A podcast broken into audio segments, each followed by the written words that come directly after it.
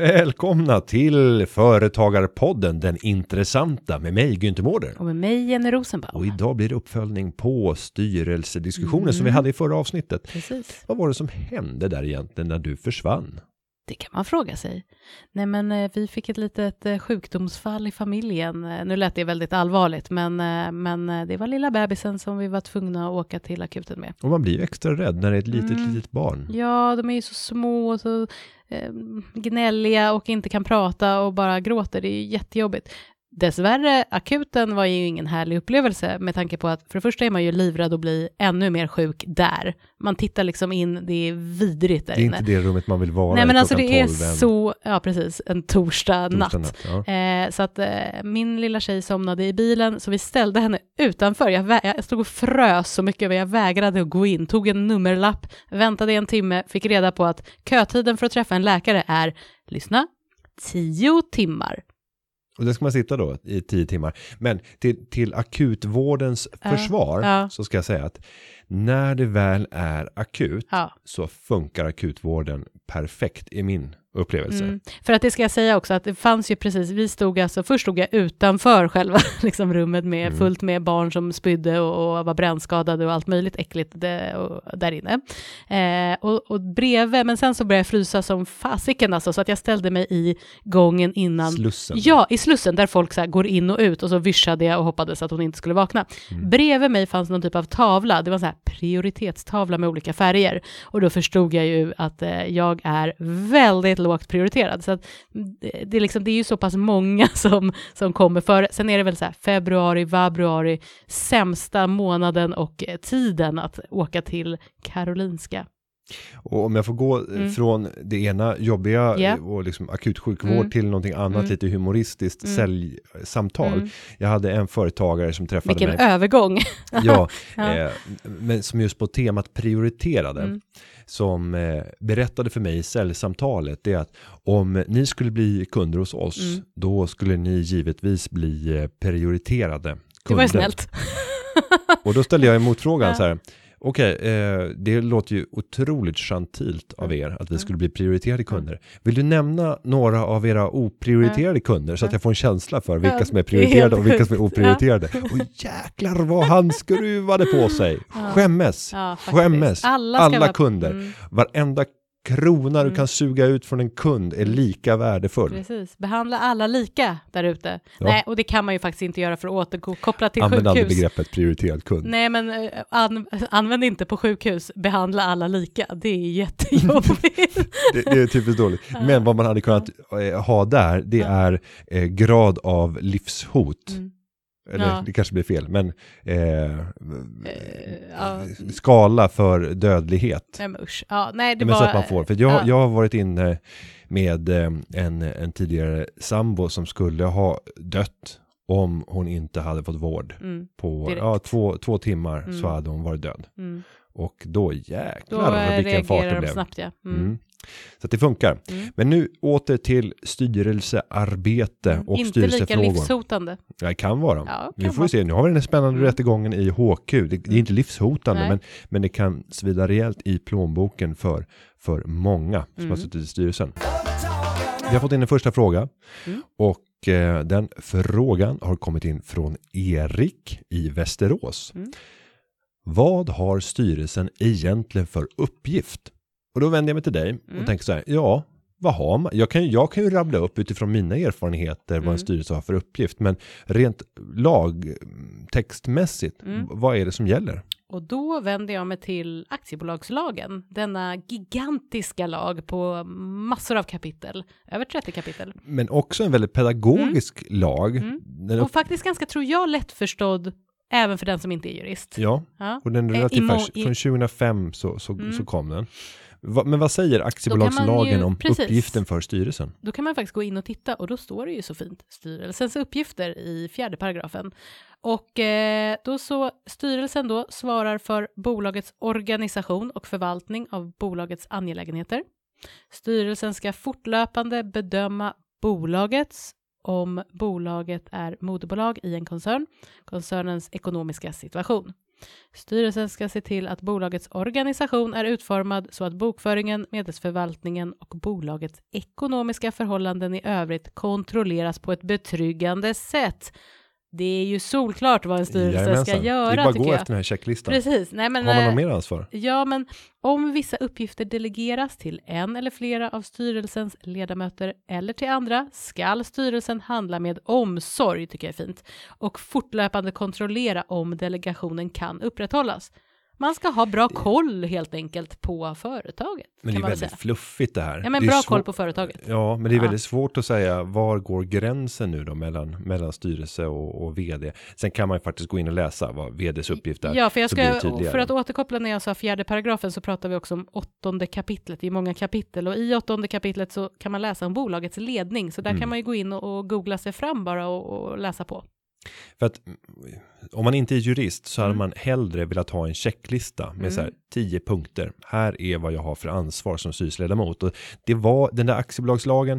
eh, Det tycker jag i och för sig vore bra i alla lagar, så här checklistor. Ja, jättebra. och sen så blir de sällan så här. Mm. Det finns inte den Uttömmande. där juridiska stunsen och finessen i en checklista. Det gäller att sätt. språket är så torrt som möjligt. Det är ett kriterie. Ja, återigen för att exkludera Mm. de som inte kan det här från att kunna tolka. Så att det finns Använda såna affärer för fina jurister. ord, förvisso. Och, eh, Ja. Eh, angelägen, bolagets Härmed. angelägenheter, Ja. ja, angelägenheter, många angelägenheter. allt är angelägenheter. Men om vi ska koka ner då, vad, vad har styrelsen för, för uppgift? Om jag skulle tolka i någon form av så här populärvetenskaplig, icke-juridisk mening, så skulle jag säga att en av de viktigaste uppgifterna är att tillsätta och avsätta vd. Mm, Att ansvara för företagets strategier, mm, alltså de långsiktiga målen.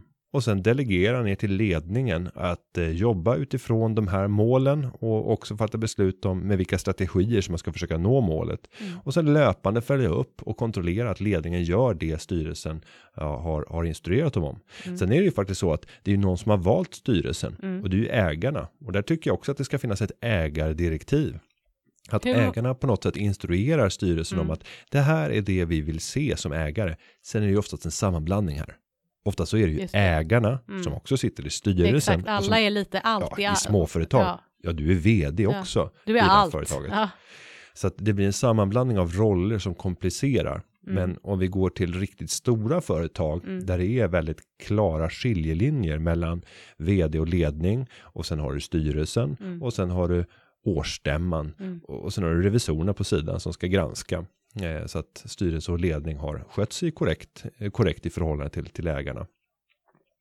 Så att ehm, i, i grund och botten så, så den absolut viktigaste uppgiften, om man bara ska sammanfatta det med en Mm. punkt, så är det att ansvar, eller en punkt, i en Mm, kort mening, ja. att ansvara för bolagets långsiktiga Angelägenheter. angelägenheter, mål kan vi Ja, säga då, ja. för, för att vara tydligare. Mm. Och tillsätta och avsätta vd Mm. som realiserar på dessa. Mm. Det Ja, det, vara, ja, det låter bra. men det Hur hade inte funkat i en lagtext. Nej, det är inte riktigt. Men alltså, hur många, nu sitter jag och tänker liksom på annat här, otrevligt, men hur många styrelser sitter du med i? Eh, och ärligt talat. Du ja, vet inte. Nej, jag vet inte. Och då undrar jag, om du inte vet, hur Mm. bra koll har du på de här bolagen? För det var lite det vi pratade om nu, att du skulle ha så bra koll på angelägenheterna. Och Nej. så vet du inte ens hur många du sitter med i. Det är Nej, oseriöst. Och, och, eh, nej men utmaningen, Ja. och, om man går in och kollar på mig Mm. på alla bolag Mm. så kommer det ju bara upp Sida eh, efter sida. Nej, nej, så är det Nej. inte. Eh, Det kanske är fem eller sex Okej. eller sju. Men det kan ehm. väl vara, är det inte jättekonstigt att inte veta? Nej, för att sen är det ju också ideella föreningar. Så att Mm. jag är styrelseledamot i Styrelseakademin Mm. Stockholm. Eh, Jag är också styrelseledamot i eh, Kamratföreningen vid Handelshögskolan i Stockholm. Du skulle säga Ehm, Kamratposten, det hade nej. konstigt. Och sen, och sen även, och det är också så här lite konstigt, jag är ordförande för eh, jubileumsstiftelsen vid Handelshögskolan i Stockholm. Ja. Och, och jag är även ordförande för förvaltningsrådet som sköter, men det är fonderade medel, så där är Mm. inte någon styrelse, men det fungerar som ett styrelse. Men aktiebolag då? För nu pratade vi ju aktiebolagslagen. Ja, men då är det, och, och de flesta. Du nästan- vet fortfarande Jo, inte? jag, jag har ett Kom igen nu. Jo, nej, men jag har Ja. ett huvudsakligt eh, uppdrag och det är Ja. bolaget där jag själv är, är ägare. Kunskapsgruppen GM som Mm. har en verksamhet, Greater Minds. Eller Eh, Günther Mårder. mm, ja, eller ja, kunskapsgruppen GM kan vara Günther Mårder, men i det här fallet så är det faktiskt Greater Okej. Minds. Samma sak kanske. Och där är jag ordförande. Mm. Eh, så det är det enda så att säga, externa aktiebolagsuppdraget där jag sitter i, i en styrelse utanför min tjänst. För att gå vidare så att vi, vi kommer någon, någon vart, det är väldigt viktigt att ha ett mål känner jag. Mm. Eh, fått ganska mycket frågor om just styrelse och styrelsearbete. Och då tänker jag så här, jag kanske kan ställa lite frågor till dig som är styrelseproffs i, Ja, och då är det här inte, roligt. Inte i pro- profession, jag, jag har verkat i många styrelser. Som har, lyssna här nu, har verkat i många styrelser, har ingen aning om hur många styrelser han sitter i, men han kan ändå ha lite kunskap om detta område tänker jag. Jag hoppas det. Så att här kommer lite frågor i ett batteri av, eh, av frågor nu. Skjut mig. Ja, eh, vi har Marcus från Göteborg. Han vill gärna sitta i en styrelse, men han är lite osäker på hur han ska göra. Hur går han tillväga? Och då är det liksom all, rent allmänt. Ja, han vill sitta i en styrelse. Han vill sitta i en styrelse. Jag tror att det är lite som jag. Jag skulle också vara väldigt på vissa sätt nöjd med om så här, jag sitter i en styrelse på fritiden, men, men bostadsföreningens styrelse vill jag inte sitta i. Som har frågat mig. Alltså, den känns inte lika het. Man vill ändå sitta i ett lite, lite coolare styrelse än bostadsrättsföreningens. Ja, och jag tycker egentligen att det är fel utgångspunkt att Mm. och liksom ställa den frågan. Eh, jag tycker man ska vända på det och säga att jag tror, givet de erfarenheter och kunskaper som jag samlat på mig genom livet, Mm. så tror jag och hoppas jag att jag skulle kunna bidra med att utveckla andra. Mm. Få dem att kunna göra motsvarande resor där jag kan tillföra kunskaper som gör att en företagare eller någon annan, Mm. det kan vara ideella organisationer eller, eller annat, kan få en, en, eh, en mer framgångsrik resa. Och där Mm. kan jag bidra. Och då gäller det precis som i alla andra sammanhang att sälja in sig själv. Jag tänkte säga det, nätverka, var out there. Ja, Mm. och jag satt ju och funderade. Alltså det finns ju flera vägar att, att ta sig in i en styrelse. Mm. Jag satt med en tanke när jag pluggade och det är att om jag skulle bli den yngsta styrelseledamoten på, på börsen. Mm. För då hade jag, var jag väl 19 år eller sådär. Och om jag hade tagit alla mina pengar och Mm. investerat dem i ett väldigt litet bolag Mm. så att jag skulle kunna ha haft en ägarandel på 10% i det här företaget. Ja, då är det väldigt lätt att i kraft av sitt ägande kräva en plats Mm. i styrelsen. Du, det är inte per automatik så att du kommer att få en plats i styrelsen bara för att du har 10% ägande. Men det vore märkligt om man inte lyfter in. Om du är en av de fem största ägarna så skulle jag säga jo, Mm. Då ska det beredas Ja. plats. Mm. Om du inte är mycket kontroversiell, Och mycket konstigt. ja, så, så Ah. kommer det att, att gå. Mm. Och då kan man ju liksom gå den vägen. Man Mm. går via sitt kapital. Ja. Sen kan man ju gå samman flera stycken personer Mm. och eh, så att säga, lägga sina pengar i en hög Mm. och så säger man att nu investerar vi i det här företaget. Och då kan man, tack vare att man är många personer, komma upp i ett ganska stort ägande. Och därmed kunna säga att jag är representant för hela den här ägargruppen. Mhm. Därför vill jag vara föra grupptalan nästan. Ja, och så Mm. säger man så här, jag vill vara deras representant i styrelsen. Men vad man glömmer bort när man säger att man ska vara representant för den här gruppen i styrelsen. När du kommer in i styrelsen Mm. så är du ingen annans representant än samtliga aktieägare Mm. eller samtliga intressenters. Men om det är ett litet bolag så kanske man, då blir det nästan att man representerar sig själv då. Ja, men man representerar Mm. alltid Mm. ägarna, Alla. alla, Mm. ägare, inte en enskild grupp. Och det där gör man ofta fel. Om vi tittar på de största bolagen på, på börsen så pratar man ofta om att ja, här har vi två representanter som, som sitter i styrelsen som representerar Investor Mm. eftersom de är största ägare i Mm. företaget. Nej, de representerar inte Investor. De har valt sig in på förslag kanske av Investor, Mm. men de har valts in av samtliga aktieägare och det är ett majoritetsbeslut som ligger bakom det och de representerar samtliga aktieägare, inte Investor och Investors intressen. Mm. Eh, Så det är en viktig skiljelinje, för ibland kan det vara så att en enskild ägare drivs av ett kortsiktigt intresse. Om du är till exempel en private equity aktör, Mm. ett riskkapitalbolag som har en fond som ska läggas ner om fem år och du måste göra en exit i det här bolaget inom fem år. Du äger 25% av bolaget.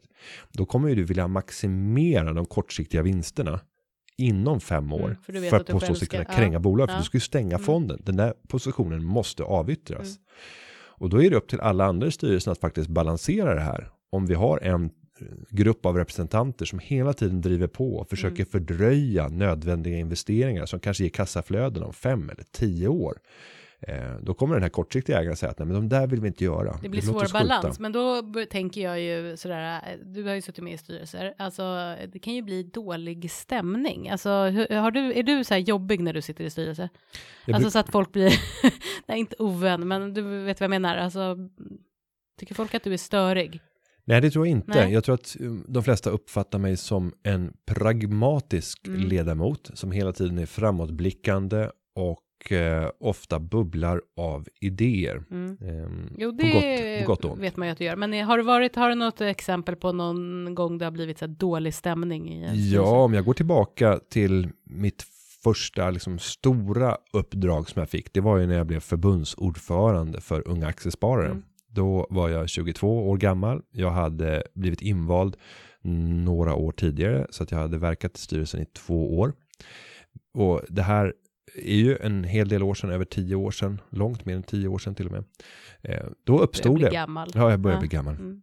Då uppstod ett läge där eh, man som, ja, jag i det fallet, nyvald ordförande, Mm. inte hade fått välja min eh, vd. Mm. Och det är väldigt viktigt med samspelet mellan ordförande och vd. Men är det ordförande som väljer vd eller är det styrelsen? det är styrelsen Mm. som utser vd. För nu sa du ju så här att jag fick inte välja min vd. Nej, Mm. men, men att få vara med, och jag kan säga att jag fick ju vara med och fatta Mm. beslutet, för jag hade varit i styrelsen, jag hade Mm. verkat i styrelsen då när vi valde, Mm. men jag hade inte behövt vara den som skulle jobba tajt Nej, tillsammans. Okej, du var inte ordförande då. Nej, och jag tycker man ska betrakta det som ett par. De här, Mm. de här ordförande och vd ska komplettera varandra Mm. och kunna vara bra sparringpartners. Och vi var inte bra sparringpartners. Och då måste man bestämma sig för vem av oss ska lämna. Och inte skulle det bli Ehm. Günther. Nej, för jag var Nej. nyvald och vald av eh, medlemmarna. Mm. Eh, Och normalt sett så sitter en, en ordförande, ofta i organisationer, längre tid än vad vd gör. Mm. Det där är en sanning med modif- modifikation. Men inom ungdomsorganisationer så är det väldigt vanligt att det är på det sättet. Mm. Att de som har ett operativt jobb jobbar kortare tid än vad styrelseval, eller stämmovalda Mm. styrelseledamöter gör. Så att eh, där blev det en konflikt och jag gick ut och gjorde tydligt att, eh, Det är han Vi- eller jag. Eller hon eller eller, hon, jag. hon var det. Mm. Hon eller jag. Någon Eh, måste gå. Och jag, jag förklarade att eh, vi kommer att gå skilda vägar Ja. och eh, då ska vi bestämma vem av oss som ska, Mm. ska lämna. Hur och, otrevligt var det här? Bjud på lite detaljer nu. Alltså hur otrevligt jag- var det här samtalet? Nej, men jag, jag gjorde ju många misstag och jag ber om ursäkt Ja. eh, så här i efterhand för att jag var en sån novis. Alltså jag var ju 22, var 22 år gammal Mm. och hon, Och nu går det bra att skylla på åldern. ja, Ja, det gör ja, det. Nej, ja. men och, bristande erfarenhet, mitt första stora uppdrag. Hon var väl, eh, ja, kan, hur många år äldre? Fem, sex, kanske sju. Ja. Mellan fem och sju år äldre. Så också ganska ung. än Mm, vad jag mm. var. Men hade ju jobbat som vd då i två och ett halvt Mm. år. En helt annan erfarenhet, färdig med examen, jag höll ju på och pluggade fortfarande. Så att, eh, nej, jag hade inte riktigt klart för mig exakt hur det skulle gå till. Och Mm. Jag eh, meddelade vd att nu är det dags för dig att gå åt sidan. Eh, vi kommer att, som du skulle säga, avsluta det här. och, det, och det här när det gäller en vd Mm. så kan man faktiskt säga det. Ja, jo, det kan man göra. Ehm. Man ligger ju utanför eh, anställningen, i alla fall i den formen man brukar prata om eh, lagen om anställningsskydd. Så det LAS. behövs inte Nej, personliga fin- skäl finns eller arbetsbrist, Nej. utan det är så här att vi funkar inte tillsammans, du kommer att få lämna. Man har inget förtroende helt enkelt Nej. Mm. Och då hände det att hon gick till andra styrelseledamöter Mm. och Tjallade. ehm, ja, meddelade och hon hade ju relationer med de här Oj. som då vände, ja inte relationer Nej. på det sättet utan personliga relationer som då vände det här mot mig. Mm. Och när jag kom in i styrelserummet, vi var iväg på en styrelsekonferens och hade delgivit det här på lördagen och sen på söndagens möte så eh, var det flera i styrelsen som uttalade att vi har inte förtroende för, för Günther. Eh, för han har gått över sina befogenheter i det här läget. Det är bara styrelsen som tillsätter och avsätter vd. Och nu har Günther gått på Och eget då bevåg. la du dig ner och skrek, du slet ditt hår och du började gråta. Och du började gråta. Nej men då gäller det att inta en ödmjuk attityd Mm. och liksom förklara vad är det som har uppstått. Vad har jag vidtagit för åtgärder? Varför var det här rätt i sammanhanget? Mm. Och när man är yngst i styrelsen, vilket jag var Mm. i det läget. Eh, och de flesta andra hade ju liksom riktigt stekiga Mm. jobb och var både fem och i vissa lägen till och med tio år äldre än Mm. jag själv. Vad hände? Fick du panik? Ja, det fick jag. Ja, det var, såklart. och det var jobbigt, Mm. men det var otroligt lärorikt. Mm. Det gjorde ont i magen, jag kände mig spyfärdig, Mm. jag mådde otroligt dåligt efter att ha Mm. lämnat den konferensen. Mm. Och vi landade i att nej, hon har inte sagts upp.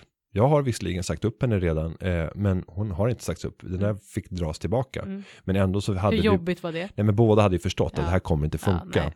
eh, så då sa vi att nej men det ska ske eh, på, på schyssta villkor Mm. så att vd får möjlighet att söka ett nytt jobb och så att man kan göra en snygg, ett Mm. snyggt avslut. En snygg sorti. Ja, Mm. och eh, det lyckades med, med relativ snabbhet. Så att det löste sig. Och sen fick jag rekrytera min, min egen vd. så att säga, tillsammans med, med styrelsen. Såklart. Och det är ett grundtips till alla som kommer in i en styrelse. Var väldigt lugn första året. Håll inte på spännbågen och, och var ettrig. Utan försök vara inlyssnande. Mm. Lär dig kulturen. Alla kulturer är olika. Försök sätta dig in i verksamheten. Ställ upp och hjälp vd. Mm. Alltså den styrelseledamot som kan hjälpa vd med frågor. Den kommer som, få vara kvar. Smöra för vd. Ja, men, men Mm. kommer också att uppfattas som, som en mer förtrolig person och Mm. få mer information.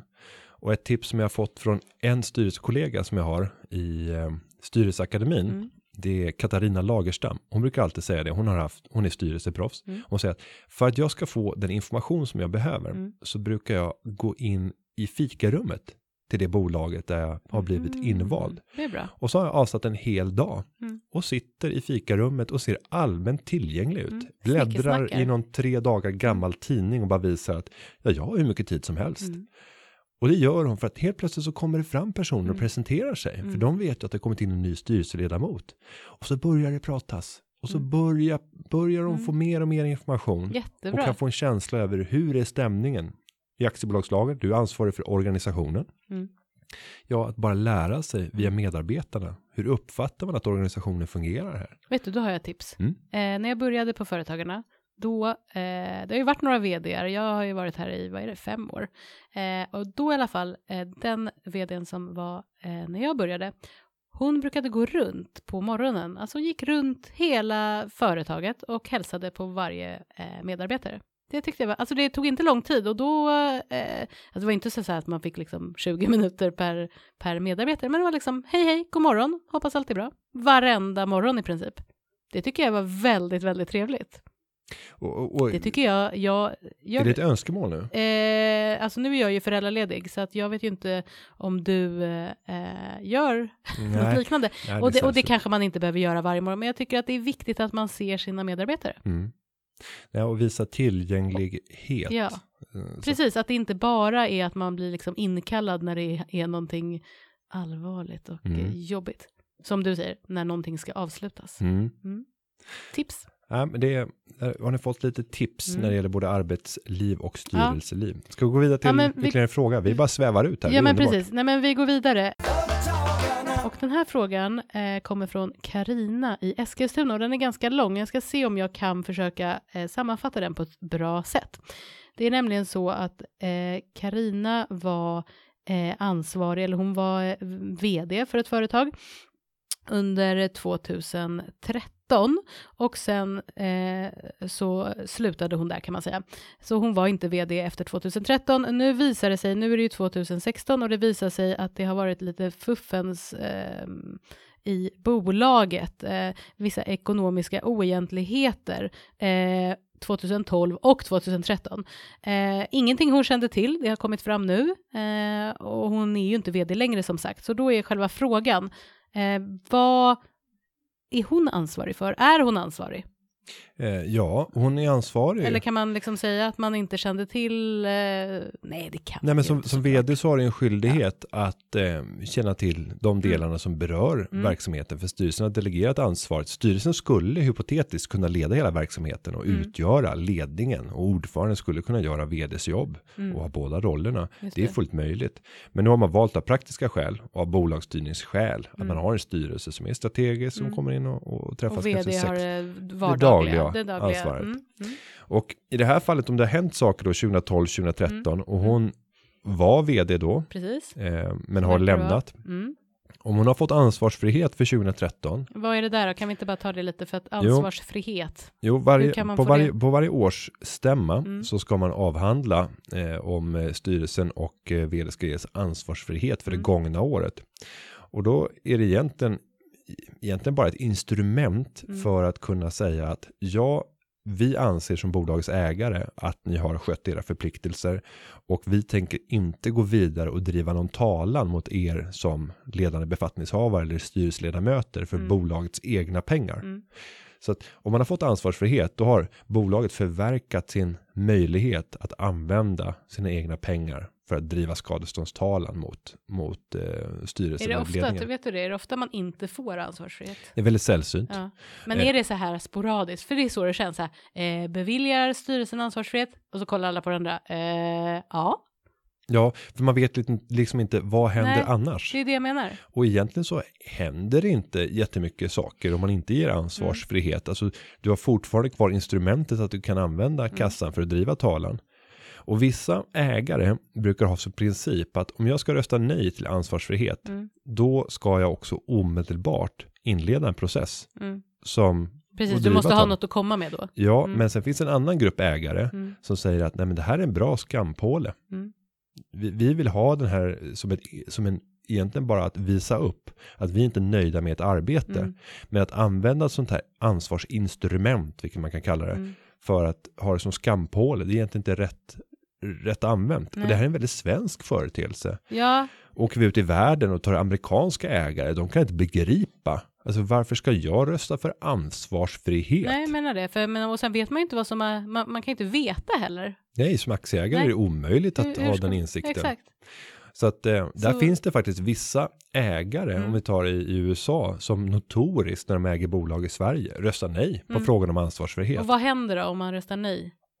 Nej, det händer ju ingenting. Vi kommer att, man kommer notera i protokollet, Mm. om det inte är majoritet som, som är för det, så, så har det egentligen inte hänt någonting. Nej. Men det är klart att om du inte har fått ansvarsfrihet så är det rätt svårt att kunna välja om personerna till nästa års du? styrelse. Mm. För på årsstämman ska du också välja styrelse för nästa år. Mm. Och, och har man då inte fått ansvarsfrihet och, och kandiderar igen. Ja, det måste vara väldigt tydligt tycker jag. Mm. Varför vill du inte ge ansvarsfrihet? Och inom föreningsvärlden så är det där, där är det mycket skampåle. Mm. Man är inte nöjd. Jag tycker att ni hade fel typer av aktiviteter så därför ska ni inte ha ansvarsfrihet. Men då har man missförstått hela, hela eh, Mm. möjligheten. Men är du, för jag tänker, är man rädd då för att, jag tänker så här, om någon, om jag skulle sitta i en styrelse och så har styrelsens an, ansvarsfrihet, nej. Då hade jag blivit jätteskraj. Jag bara, vänta, man vadå, nu blir jag, an- ja men också så här, nej, nu blir jag ansvarig för en massa saker, vad jobbigt det blev. Nej, och sen kan du säga att om du har begått något straff, straffrättsligt så spelar det ingen roll Det var det om jag du har fått ansvarsfrihet Nej men det var det jag skulle inte. komma med, så det här känns ju som en så här hittepå, typ så här, Ja. gillar ni mig som styrelse, eller gillar ni inte mig som styrelse? Nej, men den praktiska delen är, kan vi använda bolagets kassa för att Ja. driva en talan mot dig? Ja, Har vi röstat för ja det är ansvarsfrihet? det som är själva. Nej, då, Okej. då kan vi inte göra Mm. det. Men om det dyker upp att Mm. du har begått en straffrättslig handling, Mm. då, och det är det jag vill komma tillbaka till i den här frågan, om det har begåtts oegentligheter 2012 till 2013, Mm. hon har fått ansvarsfrihet under, under årsstämman som följde där 2014, men om det dyker upp saker som visar sig att du har Mm. betett dig Precis. försumligt, Ja. kraftigt försumligt och du har Mm. liksom åsidosatt dina intressen, du har begått handlingar som har skadat bolaget. Eh, Men nej, Då kan man ju inte bara skylla, då skulle ju alla sluta. Då skulle man ju begå en brottslig handling och sen dra och sen hoppas på det bästa. Ja, Ja. Nej, så att om, det, om, det, om det finns med på, på straffskalan så skulle jag vara Mm. lite orolig för då är det faktiskt du som är ansvarig och det Mm. där kan man komma tillbaka till i efterhand när Mm. information uppdagas. Mm. Vissa saker är ju av den naturen att det går inte att få reda på det precis där och då utan det dyker upp i efterhand. För Mm. att det, det där är också sånt som kommer, ska jag säga, när man pratar om eh, eh, frågor från rådgivningen, eh, eller till rådgivningen då, eh, juridiska rådgivningen, vad är vanliga frågor? Då är det ofta så här personligt ansvarig, alltså, men då handlar det kanske mer om att jag får inte betalt för den här fakturan, vad är det som händer? Nu vill jag gå på styrelsen, eller varför inte vd eh, personligen och, och sådär, kan man göra det? Vad tror du? N- Nej, alltså du har ju startat ett aktiebolag av ett skäl. Ja. Och det är för att det är en juridisk person. Så är du en, en person som har en fordran på företaget, då är det den juridiska personen, inte de enskilda ledamöterna i styrelsen eller vd som du kan gå på. Precis, till skillnad då från om du har till exempel en enskild firma där det är du med ditt personnummer som står Som eh, ensamt ansvarig, precis. solidariskt ansvarig med och då kan, man ju bli person, då kan man ju bli personligt ansvarig. Mm. Men det är väl lite det som då är tanken med aktiebolag, att man just inte blir personligt ansvarig. Men det finns ju vissa eh, situationer när man eh, faktiskt kan bli personligt ansvarig. Och det handlar ju om eh, till exempel kontrollbalansräkningen. Eh, understiger man eh, aktiekapitalet, då ska man ju ha en, eh, en ny kontrollstämma. Alltså det är många Ja, om sådana om här... majoriteten av aktiekapitalet är förverkat. Ja, precis, förverkat. Mm. Så vad säger jag, förlorat? Nej. Nej, Nej. Och, och, och du sa bara aktiekapitalet Ja, som sådant. Ja. Ja, ja. Och då så har man ju åtta månader på sig att justera detta och gör man inte det då till exempel, att man bara skiter i det, rent ut sagt, då skulle man ju faktiskt kunna bli personligt ansvarig. Eh, det handlar även om man har underlåtit revisor att granska årsredovisningen till exempel, eh, eller att man underlåtit att sammankalla till kontrollstämma. Eh, och lite sådana här, även om man underlåter att ansöka hos tingsrätten om likvidation till exempel, skulle också kunna vara ett sådant eh, fall där man faktiskt kan bli personligen. Men eh, dit jag vill komma är att bara för att man inte betalar en fordran, att man struntar i det, eh, det gör ju inte att man som till exempel vd själv måste punga ut med pengarna. Nej, och det är väl, det är väl skönt att På tal om ansvar då. Ja, Mm. ja, och det är viktigt att känna till också när man gör affärer med ett, ett annat företag, ett aktiebolag. Mm. Eh, Det finns ju ett skäl till att det finns väldigt många tjänster där du kan köpa kreditupplysningar om företag. Ja. För att man ska få en känsla av vem är motparten? Mm. Finns det risker att göra affärer med det här företaget?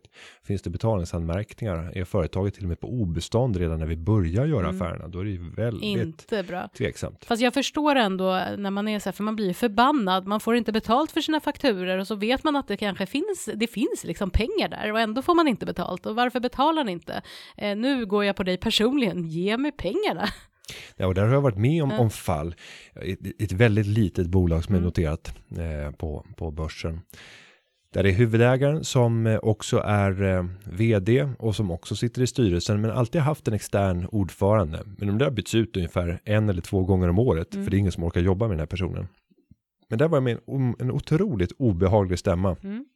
Där vd började skrika och jävlas mot en enskild aktieägare som vägrade ge sig och började prata om hur vd begick oegentligheter genom att plocka ut pengar för bolaget gick ganska taskigt Mm. men ändå så hade den här aktieägaren då varit hemma hos den här personen och sett att det stod jättefina bilar på uppfarten och de hade Oh. byggt ut huset och då är det så här oh, Mm. det här vill man liksom inte Nej. det är någon creepy man Ja. som förföljer mig men han blev helt knäckt, han var typ 45 år, riktigt vältränad. Men eh, han brast i gråt och stod och skrek. Du gör de här årsstämmorna till din personliga vendetta mot mig. och, han vill, och han ville då köpa de här aktierna Mm. av, eh, av eh, den här enskilda aktieägaren. Mm. Och det var ju ett, ett förnedrande antal aktier han hade. Mm. Om det var en eller om det var tio, sak samma. Men det var typ aktier för några hundra kronor. Han bara, du får 10 000 av mig kontant idag. Om jag bara får dina aktier. Mm. Eh, och egentligen så borde han ha ju tagit det erbjudandet. Ja, jo, ja, precis. Det och, sen, och sen gått ut på marknaden och köpt nya aktier. Eh, Men det gjorde han men, inte. men han nekade, han Mm. sa nej, rätt ska vara rätt. Mm. Och det var liksom prin, hans Principen, otroligt principfast. Och det här visar hur, hur man som enskild aktieägare kan ställa till enorma Mm. besvär i ett bolag om man sätter sig på tvären. Och sådana här personer råkar man ofta ut för när man är ett bolag i en noterad kontext där man inte kan kontrollera vilka som kommer in som ägare.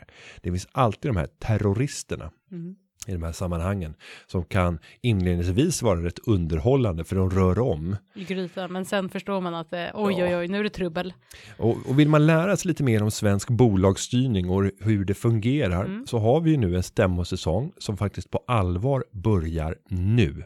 När det här avsnittet släpps, Mm. det är nu säsongen börjar. Jag gillar att du säger så här stämmosäsong som att det vore något skithett, typ så här, Ja, är det nu är det som så här, nu är det Grammis eller nu är galasäsong. Ja, nu är det så här, nu är det dags för de här galorna att sätta igång. Höstmodet är, är här nu. Nu är det stämmosäsong. Ja, men för mig, det, Ja, under hela förstår. min uppväxt Ja. så har det varit liksom, Det är fascinerande. Det, det är liksom starten, starten på våren, Ja. det är Axe Foods årsstämma. Alltså för personligen, alltså bara jag hör bolagsstämma, alltså jag är ledsen, men det är, är liksom ett torrt alltså. Nej men åk dit. Jag- Torrt. Har jag tipsat i podden tidigare om några stämmor man bör besöka?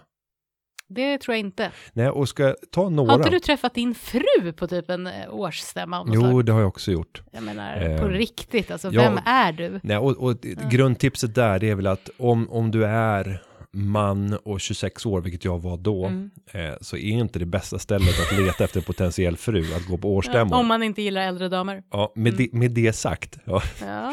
Eh, och inte, alltså om man är en, ung, ja, man kan vara en man också. Om man gillar äldre herrar Ja. med ordnad ekonomi. O, ja, som kön. är väldigt sparsamma. Oavsett kön, Ja, oavsett ålder. ja, Jag, jag lägger ja. inga värderingar i det. Utan om du, är Äldre en, män. om du är en liten pojke som älskar mycket äldre farbröder med mycket pengar och som är väldigt snåla. Då ska du gå på Mycket årsstämmor. pengar och väldigt snåla, okej. Ja, Bra. eh, och eh, det här är ett riktigt dåligt, det, nu, det här kommer jag få äta upp. Men eh, på, på årsstämmor så är det ju inte sällan så Jag att de, ser på Günther att det här kommer ja det här kommer spåra. spåra, det här kommer spåra fullständigt och jag kommer få så mycket skit för det här. Men om man ska, om man ska titta på så ställen där man kan komma över alkohol som mindreårig. Eh, det, här, det här är så olämpligt. på årsstämmor så är det ofta så att man kan få lite förtäring och Ja. lite, lite, lite vin Ja. efter stämman. Och går man på de här stämmorna som är lite större, där det är mycket människor, det är få som blir stoppade i dörren för att de inte är 18 år, även om du formellt sett Mm. inte kan vara där och företräda dina egna aktier Mm. om du inte har fyllt 18, för då är det dina föräldrar som har förmynderiet i det här läget.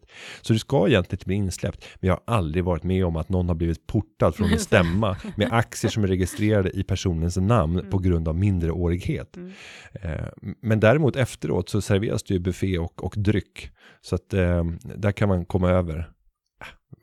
Vi ska hålla på och tipsa om hur man som minderårig ska komma över Säg att alkohol. det är hashtag sparad krona Ja, istället. det är hashtag sparad krona. Liksom... Men, men, men det gäller ju även då om man ska hitta sin partner. Mm. Det är få tillfällen där man kan liksom sitta och spana in under kanske två timmar och titta på stämmodeltagarna. Och sen så efteråt så vet man att alla kommer gå ut och äta av den här buffén och dricka dryck. Mm. Så att det är lätt att söka upp personen och bara, ja, har du ägt aktier länge i det här bolaget? Blev det en fin utdelning i år? Och du kan dessutom kontrollera vad, ja, men vad, vad personen har i plånboken Ja. genom att gå in och titta i aktieägarförteckningen. Så ser du hur många aktier personen Ah, äger. Du ser liksom, så att Så, det här skulle det jag vilja säga, lite lite tycker jag. det Ja, var lite lite. det Det, här var- där var mycket. det här skulle jag säga, eh, bra sammanfattning av underbar, ka, olika kategorier som vi har här. Det är både underbart förmögen, det är sparad krona och lite gråzon. Där Ja, det är allt- det är allt allt, allt kan du få om du går på en årsstämma. Ja, och Jag sen, tar tillbaka, det var inte torrt alls. Det var, nej, och sen så får du, Super. lä- sen får du lära dig din Mm. utbildning eftersom du får lära dig hur aktiebolagslagen fungerar. Ta med dig eh, aktiebolagslagen utskriven eller ha en padda eller dator med dig och titta på kapitlet om stämman och Mm. vad man har för, för olika delar och vad, varför man ska fatta olika beslut. brukar du gå själv på stämmor eller brukar du ta med dig någon? Ta med dig en plus en? Ja, men du har ju rätt att ta med dig två stycken Mm. bisittare. Mm. Men vem brukar du ta med dig? Brukar du ta med dig någon? Nej, är det någon alltså, som vill följa med ens? Ja, ja Ja, absolut. okej. Jag, jag brukar ha kö. Oj. Jag brukar ha personer som har kontaktat mig och sagt Mm. att nästa gång du går på en årsstämma så vill jag gå Mm. tillsammans med dig. Eh, och nu, Röda mattan, är det något koncept ja, nästan. utanför? Nej, och sen kan Ja. jag redan avslöja att nu i min nuvarande roll Mm. som vd på Företagarna så kommer jag ju inte att eh, delta på stämmor annat än i undantagsfall. Mm. Eh, och då kommer det ske utanför mitt tjänsteutövande. När jag var på Nordnet och framförallt när jag var på Aktiespararna och Unga Aktiesparare Mm. så ingick ju det i jobbet. Tjänsten, att. Att, Mm. att bevaka stämmorna, Mm. att vara på plats. Vad har du på dig på en... eh, Du, ni hör där ute, jag är liksom inte så intresserad, alltså det, man måste vara ärlig, alltså jag tycker det verkar lite torrt, men jag försöker göra det här lite mera intressant för vissa. Eh, vad har du på dig? Nej, men det beror på det vilken är- roll, ja. vilken roll jag är i. När jag var vd på Aktiespararna så var det ju alltid liksom kostym Ja. och slips. Det är inte så att du är som en gala att du sätter på dig smokingen. Liksom. Nej, nej, nej, det gör man inte. nej. Det blir helt fel Mm, det blir faktiskt. konstigt. Ja. Sen finns det vissa undantag där man kanske ska inte klä upp sig till tänderna Mm. och det är bland annat så här Claes Olsson stämma upp i Insjön en Ja, lördag okej. i september. Det är inte då man drar på sig Nej. finkostymen tycker jag, utan då är det bättre, lite mer ledigt. Mm. Eh, ju mindre bolaget är och desto längre bort från white collar, alltså Mm. klassiska kontorsföretaget. Mm. Eh, desto mer avslappnad kan man vara i sin klädsel. Sen beror det på vad du ska driva för frågor. Ska Mm. jag bara vara där som en passiv deltagare, som en aktieägare som är intresserad och bara vill lyssna och Mm. lära? Nej, då finns det ju inga krav alls. Eh, då är det ju som att gå klädd som jag är idag med en typisk Löfven-skjorta, kommer vi fram till. Lite, ja, precis, lite rymlig. Mycket ry- Ja, alltså trots okej, att både jag och ja. Stefan Löfven är väldigt stora i vår Mm. kroppshydda. Så Mm. berätta om, vad är det du ser framför Alltså dig? då ser jag framför mig en ljusblå skjorta som är av storlek stor. Och då, alltså det finns många så här stilpoddar som jag ska erkänna verkligen lyssnar på där ute. Mm. Många poddar. Och, och då skulle jag säga att din skjorta, jag vet inte om den, jag vet inte ens vart den skulle passa in, men den är liksom stor fast ändå du själv är lite stor, vilket kan göra utan att vara en stilexpert något att du ser något större ut. Mm. Förstår du? Alltså, Och titta på Löfven nästa gång, Ja. för då kommer ni se precis samma sak. Mm. Han skulle aldrig sätta på sig en lite Ingen tajtare fit, skjorta. liksom. Nej, nej, Nej. aldrig. Och det, men det brukar ju ändå jag göra. Du brukar ju, äh, vet du vad jag skulle säga att du Ja. är? Det är antingen för tight Mm. eller för stort. Ja, Svårt att hitta det här perfekta mellan, liksom. Mm. mellantinget. Nu slickar han sig runt läpparna och ser lite så här, Väldigt obehagligt. ja, jag tycker, nej, jag vet inte, jag tycker det är Som lite bara- jobbigt. Så bara vd kan vara. Ja, precis. Nej, men äh, färgen var fin. Mm, tack så mycket. Mm. Det är alltid något. Ja, det var lite om eh, här, nya Magdalena Ribbing, liksom, så klädkoder på, det kan bli nästa, en, en bok kanske. Ja, Nya klädkoder på bolagsstämmor. Och eh, jag tror att lyssnarna har fått eh, mängder av eh, Fått både Ja. tips och helt onödiga kommentarer och förhoppningsvis eh, ett och annat, en, annat skratt. Mm. Och, och man har både skrattat åt och med oss. Mm. Ehm, Det är som det ska vara. så jag sitter och funderar på, är det är dags att runda av? Jag tror faktiskt att det är det. Ja, Mm. och då säger vi att den här podcasten har spelats in och klippts av Gustav Dalesjö. Hej då! Hej då!